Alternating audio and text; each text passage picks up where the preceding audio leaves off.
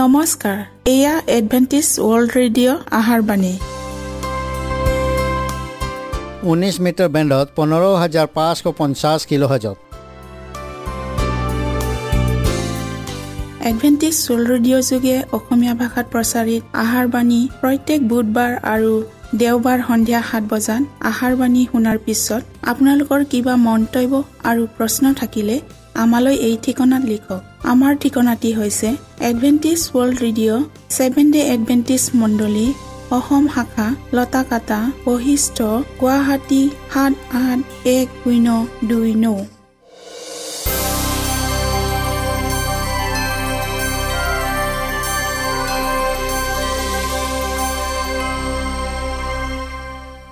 প্ৰিয় শ্ৰোতা বন্ধুসকল এতিয়া শুনো আহক এটি খ্ৰীষ্টীয় ধৰ্মীয় গীত।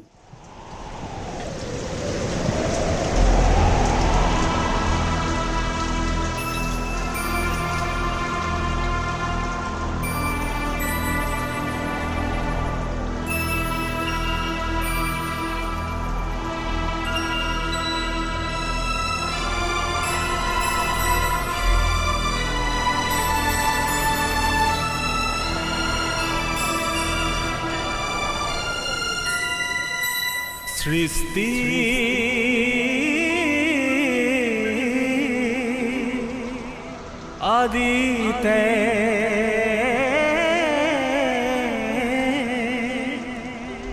বাক্য তুমি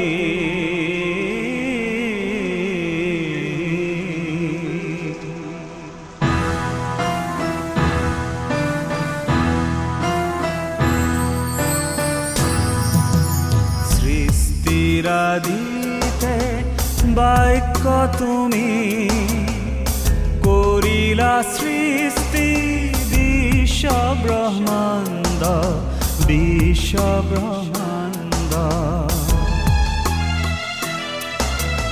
বাক্যরূপে আসিলা তুমি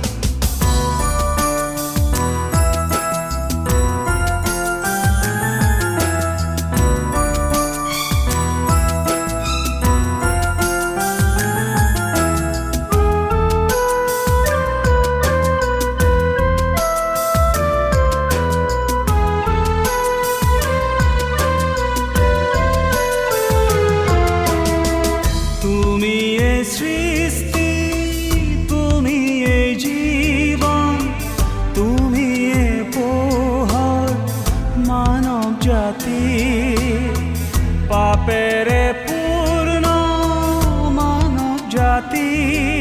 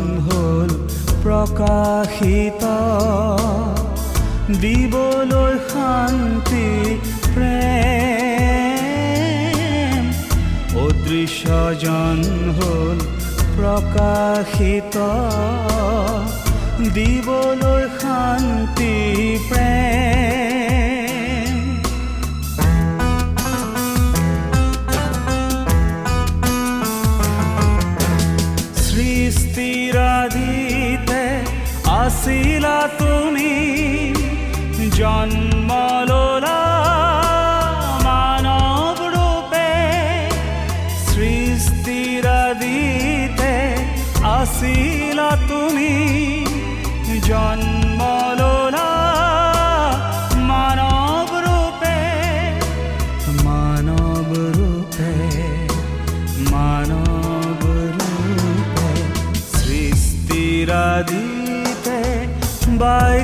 তুমি কৰিলা সৃষ্টি বিশ্ব ব্ৰহ্মাণ্ড বিশ্ব ব্ৰহ্মাণ্ড বাক্যৰূপে আছিলা তুমি স্বয়ং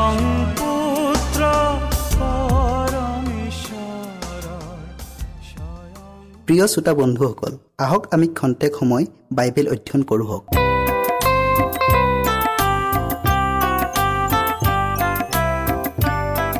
প্ৰিয় শ্ৰোতাসকল আজি আমি যোৱা অনুষ্ঠানৰ সংস্কাৰৰ এটা কাৰ্য ইয়াৰ শেষ অংশটো অধ্যয়ন কৰোঁ হওক। অধ্যয়ন কৰাৰ আগতে আমি ঈশ্বৰৰ পৰা আশীৰ্বাদ খোজোঁ হওক। স্বৰ্গত থকা প্ৰেমময় ঈশ্বৰ যে হোৱা তোমাক আকৌ ধন্যবাদ দিছোঁ প্ৰভু এই সুন্দৰ সময়ৰ নিমিত্তে। প্ৰভু তুমি বিষয়টিৰ অধ্যয়ন শেষ নোহোৱালৈকে আমাৰ সংগে সংগে থাকি আশীৰ্বাদ কৰা আৰু পবিত্ৰ আত্মাৰে হৃদয় স্পৰ্শ কৰি দিয়া যীশুৰ নামত খুজিলোঁ। আমেন। প্ৰথম বাণী দিয়া সোধ বিচাৰৰ নিৰ্দিষ্ট সময়টোক প্ৰচাৰ কৰিবলৈ ঈশ্বৰৰ দ্বাৰাই আদেশ দিয়া হৈছিল। ভাৱবাণীৰ সময় গণনা কৰাত যাৰ ওপৰত সেই বাণীটো প্ৰতিষ্ঠিত আছিল সেই সময় অৰ্থাৎ দুই হাজাৰ তিনিশ দিনৰ শেষৰ ফালে ওঠৰশ চৌৱাল্লিছ চনৰ শৰৎকালত আহি পাইছিল আৰু এই ক্ষেত্ৰত সন্দেহ কৰিবলগীয়া একো নাছিল। সেই ভাৱবাণীৰ সময়খিনিৰ আৰম্ভণি আৰু অন্ত হোৱাৰ নতুন তাৰিখ বিচাৰিবলৈ বাৰে বাৰে চেষ্টা কৰাৰ ফলত আৰু আনফালে অযুক্তিকৰ টুলুঙা কাৰণ দৰ্শোৱাৰ ফলত ই এনে এটা অৱস্থাত উপনীত হৈছিল।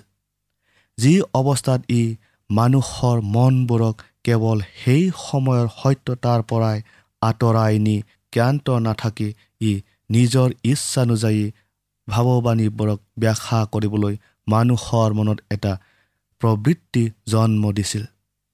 দ্বিতীয় আগমনৰ নিৰ্দিষ্ট সময়টোক বাৰে বাৰে ঠিক কৰা হৈছিল আৰু সকলো ঠাইতে ইয়াৰ বিষয়ে শিকোৱা হৈছিল আৰু এইবোৰ ছয়তানৰ অভিসন্ধিৰ লগত বৰ ধুনীয়াকৈ মিলি গৈছিল।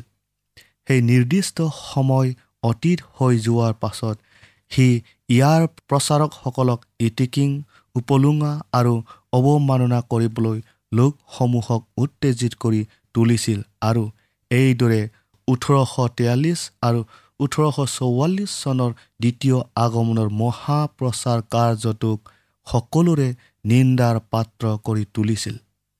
যিসকলে এই ভুলটোতে নেৰানেপেৰাকৈ লাগি আছে তেওঁবিলাকে অৱশেষত খ্ৰীষ্টৰ আগমনৰ এটা তাৰিখ স্থিৰ কৰিব যিটো সুদূৰ ভৱিষ্যতে হ'ব।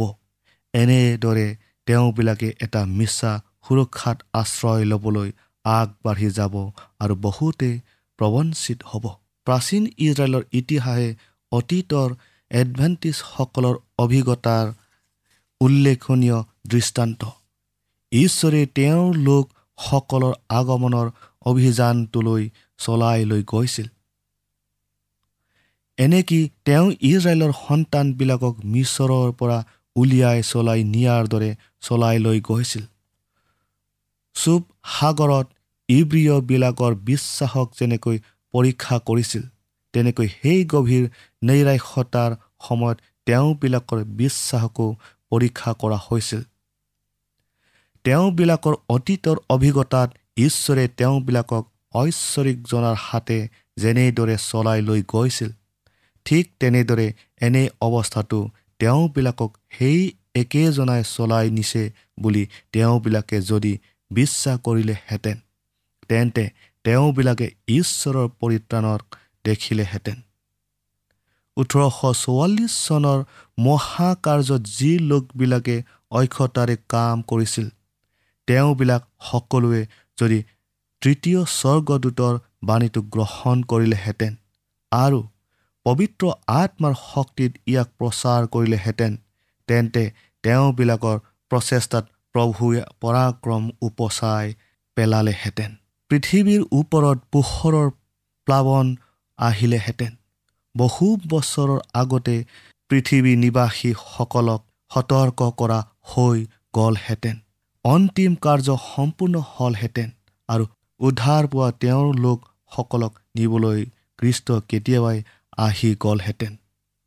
ইজৰাইলসকল যে চল্লিছ বছৰ অৰণ্যত ঘূৰি ফুৰিবলগীয়া হৈছিল সেইটো ঈশ্বৰৰ ইচ্ছা নাছিল।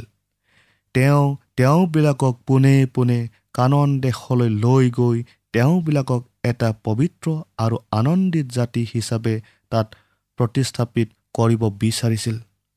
কিন্তু অবিশ্বাসৰ কাৰণে তেওঁবিলাকে সোমাব নোৱাৰিলে। ইব্ৰী তিনি অধ্যায়ৰ ঊনৈছ পদটো আপোনালোকে পঢ়ক।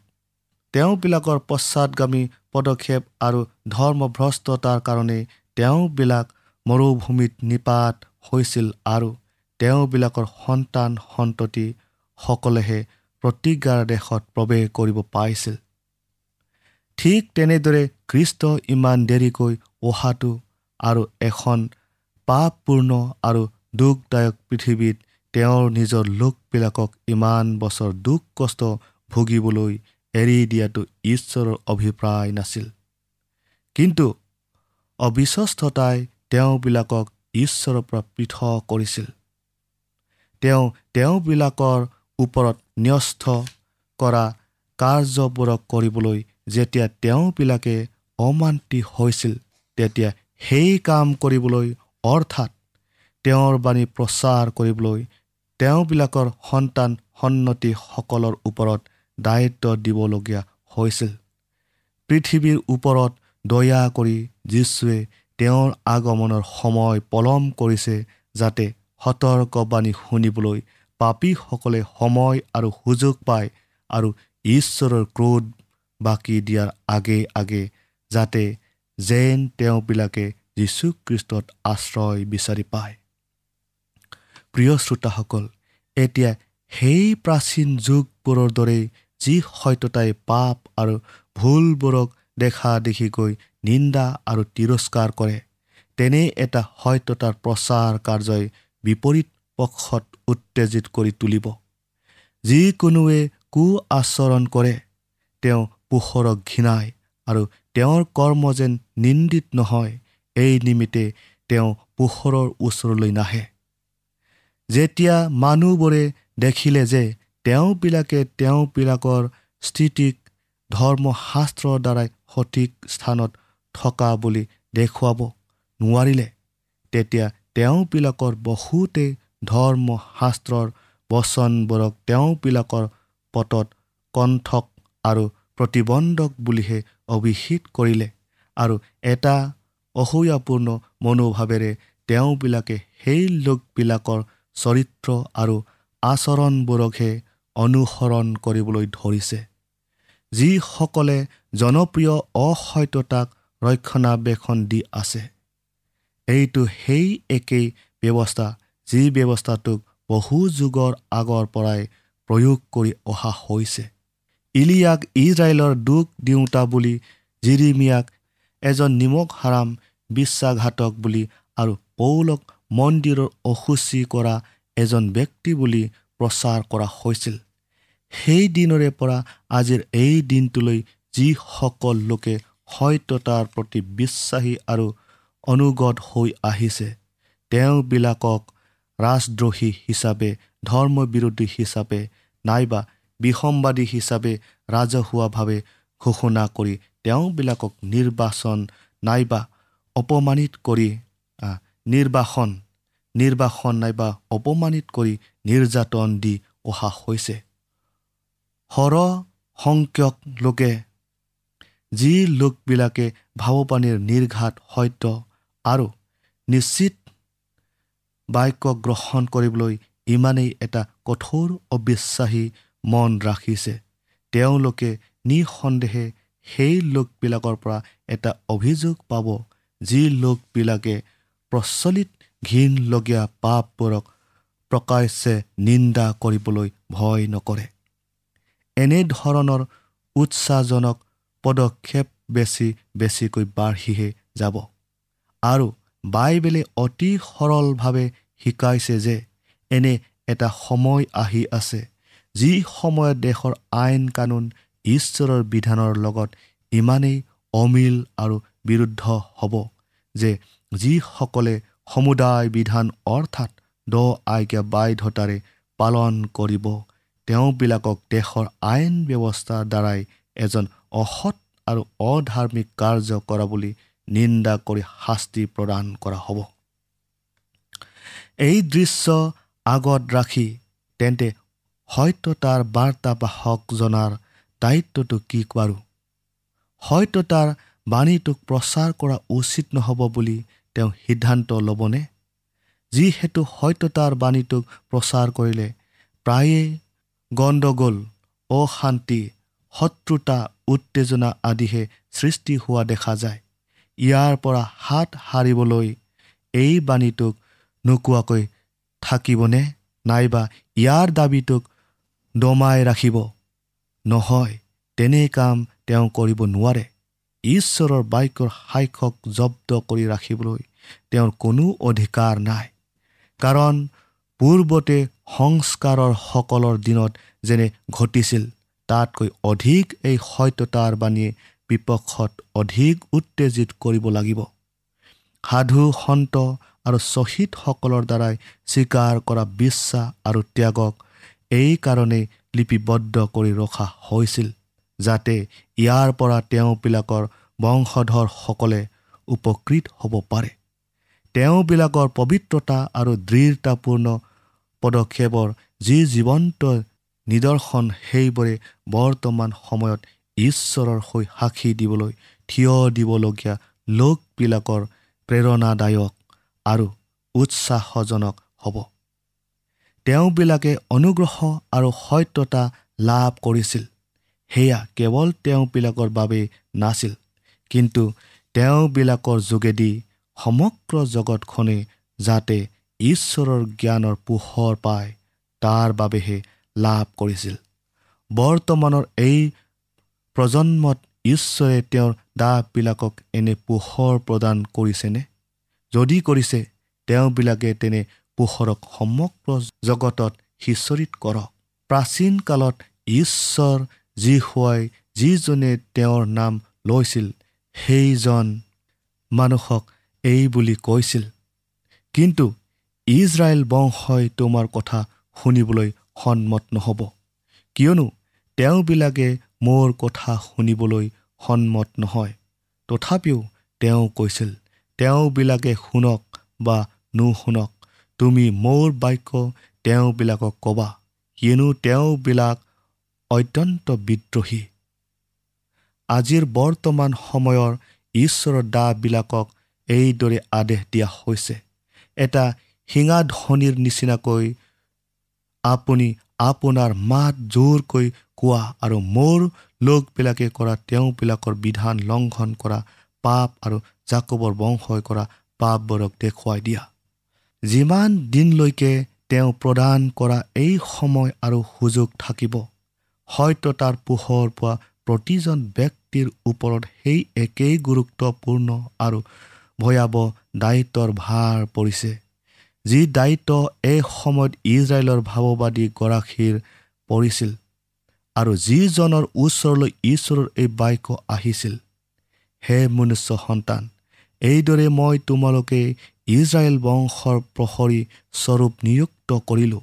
এই হেতুকে তুমি মোৰ মুখৰ পৰা বাক্য শুনি মোৰ নামেৰে তেওঁবিলাকক সতৰ্ক কৰা। হে দুষ্ট তুমি নিশ্চয়ে মাৰিবা। এই বুলি মই যেতিয়া দুষ্ট কওঁ আৰু তুমি দুষ্টক তাৰ পথৰ পৰা ঘূৰিবলৈ সতৰ্ক কৰিবৰ নিমিত্তে একো নোকোৱা তেতিয়া সেই দুষ্ট নিজ অপৰাধৰ কাৰণে মৰিব। কিন্তু মই তোমাৰ হাতৰ পৰা তাৰ ৰক্তপাতৰ প্ৰতিশোধ ল'ম। কিন্তু যদি তুমি দুষ্টক তাৰ পথৰ পৰা ঘূৰিবলৈ তাৰ পথৰ বিষয়ে সতৰ্ক কৰা আৰু সি নিজ পথৰ পৰা নুঘূৰে তেন্তে সি নিজৰ অপৰাধৰ কাৰণে মৰিব। কিন্তু তুমি তোমাৰ প্ৰাণ ৰক্ষা কৰিবা। জিহিচকেল তেত্ৰিছ অধ্যায়ৰ সাতৰ পৰা নৌ পদলৈকে। শ্ৰোতাসকল সত্যতা গ্ৰহণ কৰা আৰু ইয়াক প্ৰচাৰ কৰা। এই দুয়োটা ক্ষেত্ৰতে আটাইতকৈ ডাঙৰ প্ৰতিবন্ধকটো হৈছে। এই দুয়োটা ক্ষেত্ৰতে অনেক অসুবিধা বাধা বিঘিনি আৰু নিন্দা অপমান জড়িত হৈ আছে। সত্যতাৰ অহিতে থকা একমাত্ৰ আপত্তিটো এইটোৱে যিটোক ইয়াৰ পক্ষে ওকালতি কৰা সকলে কেতিয়াও মিছা বুলি প্ৰমাণ কৰিব নোৱাৰে। কিন্তু এইটোৱে খ্ৰীষ্টৰ প্ৰকৃত অনুসৰণকাৰীসকলক নিৰাশ নকৰে। নিৰাশ কৰিব নোৱাৰে। সত্যতাই জনপ্ৰিয়তা লাভ কৰিব নে নকৰিব এইবোৰলৈ কেৰেপ কৰা নহয়। তেওঁবিলাকে নিজৰ দায়িত্বৰ গুৰুত্ব উপলব্ধি কৰি তেওঁবিলাকে স্ব ইচ্ছাই পাচনি পৌলৰ নিচিনাকৈ নিজৰ ক্ৰুজ তুলি লয় আৰু তেওঁৰ সুৰতে এইদৰে কয় এই হেতুকে দৃশ্য বস্তুলৈ নাচাই অদৃশ্য বস্তুলৈ চাই থাকোঁতে আমাৰ খন্তেকীয়া লঘু ক্লেশে আমাৰ নিমিত্তে অতি অধিককৈ অনন্ত কলীয়া গুৰুত্বৰ গৌৰৱ সাধন কৰিছে। তেওঁবিলাকে মিশ্বৰৰ সকলো সম্পত্তিতকৈ কৃষ্টৰ নিন্দা মহাধন জ্ঞান কৰিলে। দ্বিতীয় কৰিন্থিয়া চাৰি অধ্যায়ৰ সত্তৰ আৰু ইব্ৰী এঘাৰ অধ্যায়ৰ ছাব্বিছ পদটো আপোনালোকে পঢ়ক। প্ৰিয় শ্ৰোতাসকল ঈশ্বৰ জীহুৱাই এইদৰে কৈছে সেই ধাৰ্মিকতা জনা লোকবিলাক সেই হৃদয়ত মোৰ ব্যৱস্থা। ঠাই দিয়া জাতি তোমালোকে মোৰ কথা শুনা মানুহৰ নিন্দালৈ ভয় নকৰিবা। আৰু সিহঁতৰ বিদ্ৰুপত ব্যাকুল নহ'বা কিয়নো কাপোৰ খোৱাৰ দৰে কীটে সিহঁতক খাব আৰু নোম খোৱাৰ দৰে পোকে সিহঁতক খাব। কিন্তু মোৰ ধাৰ্মিকতা চিৰস্থায়ী হ'ব আৰু মোৰ পৰিত্ৰাণ পুৰুষানুক্ৰমে থাকিব। প্ৰিয় শ্ৰোতাসকল এইটোৰ বিষয়ে আজি আমি ইয়াতে সামৰিলোঁ। আশা কৰোঁ আপোনালোকে এইটোৰ বিষয়ে ভালদৰে বুজি পাইছে বুলি। তেতিয়ালৈকে ঈশ্বৰে আপোনালোকক আশীৰ্বাদ কৰক।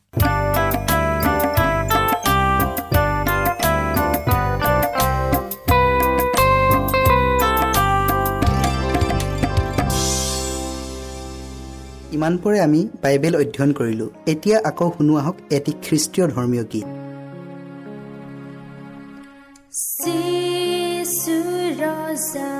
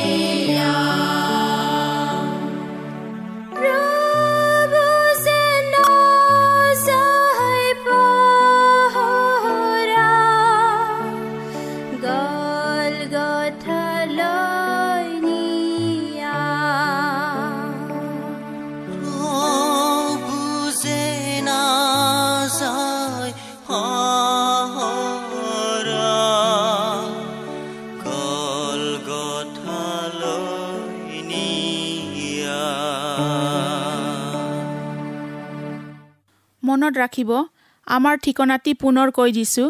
Adventist world radio' Assam region of seven day Adventist voice of hope Latakata Basistha Guwahati seven eight one zero' two nine প্ৰিয় শ্ৰোতা বন্ধুসকল এডভেণ্টিজ ৱৰ্ল্ড ৰেডিঅ' যোগে আহাৰবাণী প্ৰচাৰত আপোনালোকক পুনৰ লগ পোৱাৰ আহাৰে আজিলৈ সামৰিলোঁ। ধন্যবাদ।